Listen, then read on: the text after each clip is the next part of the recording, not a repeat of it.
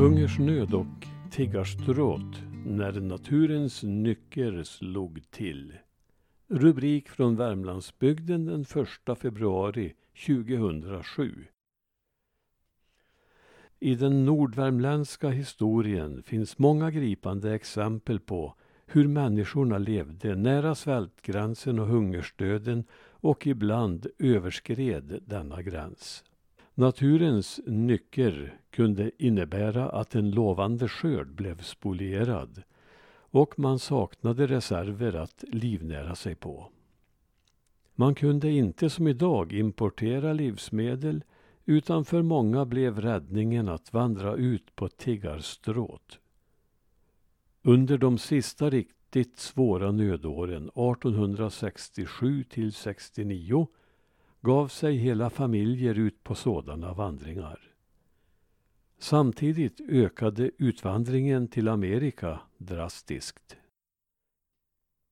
Klarälvens översvämningar kunde ställa till omåttlig skada på sådda marker. Ett sådant olycksår, bland många andra, var 1782 då den nysådda marken blev överhöljd av sand vid en översvämning. I Karlstads veckotidningar kunde man då läsa Gud hjälpe det arma folket, ty ingen av dem äger nu minsta tillgång på säd att därmed omså sina åkrar. Frosten var också en svår fiende som ofta förorsakade hungersnöd och i mitten av 1800-talet tycks området ha varit utsatt för det ena nödåret efter det andra. Värst drabbad var Finnbygden och en viktig orsak till detta var att svedjefinnarna blivit fråntagna rätten att svedja markerna. Det innebar att de måste överge sitt naturliga sätt att odla och försörja sig på för att gå över till samma odlingsmetoder som svenskarna använde. Detta passade dåligt på den stenbundna moränmarken och ledde till fattigdom. Landshövding Mörner berättar 1762 att finnarnas åkrar var små och sällan bar skörden till mognad innan den frös bort. En hel del finnar klarade sig bra, bland annat genom skogsaffärer. Några blev till och med förmögna, men för de flesta gällde det bara att hålla fattigdomen stången. Maximilian Axelsson berättar i sin reseskildring från 1849 till 50 hur man använde 13 olika sorters nödbröd på Finnskogen och av dessa var det allra sämsta gjort på ren bark. Det finns exempel på hur folk åt löv för att klara sig igenom de svåraste perioderna. Många dog av hunger och Axelsson fick berättat för sig hur svältdöden slog till i hem där barnen lämnats ensamma medan föräldrarna var borta på arbete. Det brukade gå till så att den äldre av syskonen självmant tog den mindre portionen och alltså blev den som först dog av svält. Detta var en realitet för ett och ett halvt sekel sedan. I svältens spår följde ofta svåra sjukdomar som rödsot, kolera och influensa som tog många liv. Innan Amerika öppnade sina portar för mängder av nybyggare var det enda alternativet för överlevnad många gånger att ge sig ut på tiggarstråt, trots att detta var förbjudet. Karlstads veckotidningar meddelar hur folk gav sig iväg, citat, såsom fäskockar, slut på citat, till Örebro. En blind finne fick springa gatlopp fem gånger som straff för att han försörjt sig på tiggeri. Som om inte fattigdomen och blindheten i sig varit straff nog. Nöden i stora delar av Värmland uppmärksammades på många håll. Myndigheterna föreskrev att ett sädesmagasin skulle finnas i varje socken och regeringen gick någon gång in med räntefria lån. Insamlingar anordnades bland annat i Stockholm och Uppsala nödåret 1852 då norra delen av Värmland var särskilt hårt drabbad. Gåvor kom då ända från Köpenhamn.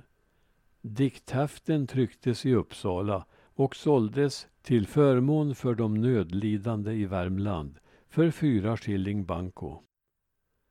Många som levde i mer välbeställda bygder runt om i landet bidrog till att lindra nöden och från Fårö församling kan vi läsa i ett sockenstämmoprotokoll från 1852 sålunda sedan ej mindre genom allmänna tidningar än konungens befallningshavande i länet utgången kungörelse det blivit känt att i norra delen av Värmland en svår hungersnöd var rådande och med anledning av den till följe därav givna uppmaningen om understöd till dessa våra av olyckan hårt slagna medmänniskor har pastor av sitt samvete uppmanad sammankallat församlingens medlemmar för att i likhet med som annorstädes sker söka bereda ovannämnda olyckliga något understöd som i anseende till de få närvarande lyckade över förmodan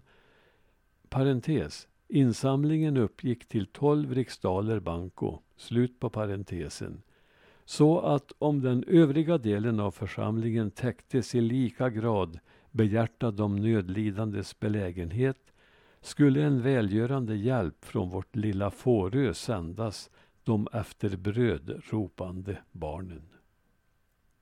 Slut på citatet. Fåröborna ställde alltså upp för de nödlidande i norra Värmland 1852 och protokollet visar att liknande insamlingar förekom även i andra församlingar en särskild soaré hölls i Stockholm eller möjligen Uppsala 1838 till förmån för de nödlidande i Värmlands finnskogar. Till den tillställningen specialskrevs en dikt av självaste Erik Gustaf Geijer avsedd att sjungas till melodin Ack Värmeland du sköna, du härliga land. Och texten trycktes också och gavs ut. Så här lyder texten. Mellan Letstigens älv och Norges gräns och badat av Vänerns bölja. Det ligger ett landskap vars anblick känns av skogar och berg som det hölja. Med eld det röjdes i forna dar, eld har det på härd och i hjärta kvar och därför det Värmeland kallas. Här järnet bröt bygd och bryter den än, på höjd och i dalar djupa. I skogen går trätäljas yxa igen och furor i strömmarnas stupa. Bland forsars dån, vid hamrarnas takt, i lågande masung, i gruvornas schakt, där växa mest Värmelands skördar. Och arbetet stiger allt högre upp från Vänerns strand mot Norden. Det pustar utefter strömmarnas lopp, det tämjer den stenbundna jorden. Framför det störtade urgamla träd, bakom det uppstiger den grönskande säd, fast njugg än mot odlarens möda. Och högst upp där bor i den vilda skog ett hårt, nära halvvilt släkte som knappast väl ännu vände en plog eller lian mot skörden sträckte. Dess sådd är att sätta skogen i brand och vad det inbärgar av svedda land blir snart förtärt som det vunnits.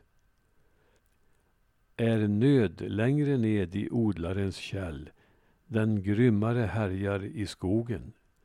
Med hungerns blick från det ödsliga fjäll den följer med vandraren trogen. Du rikare lottad, hans räddare bliv, fritt tadla hans seder, men fräls hans liv. Man först måste leva att bättras.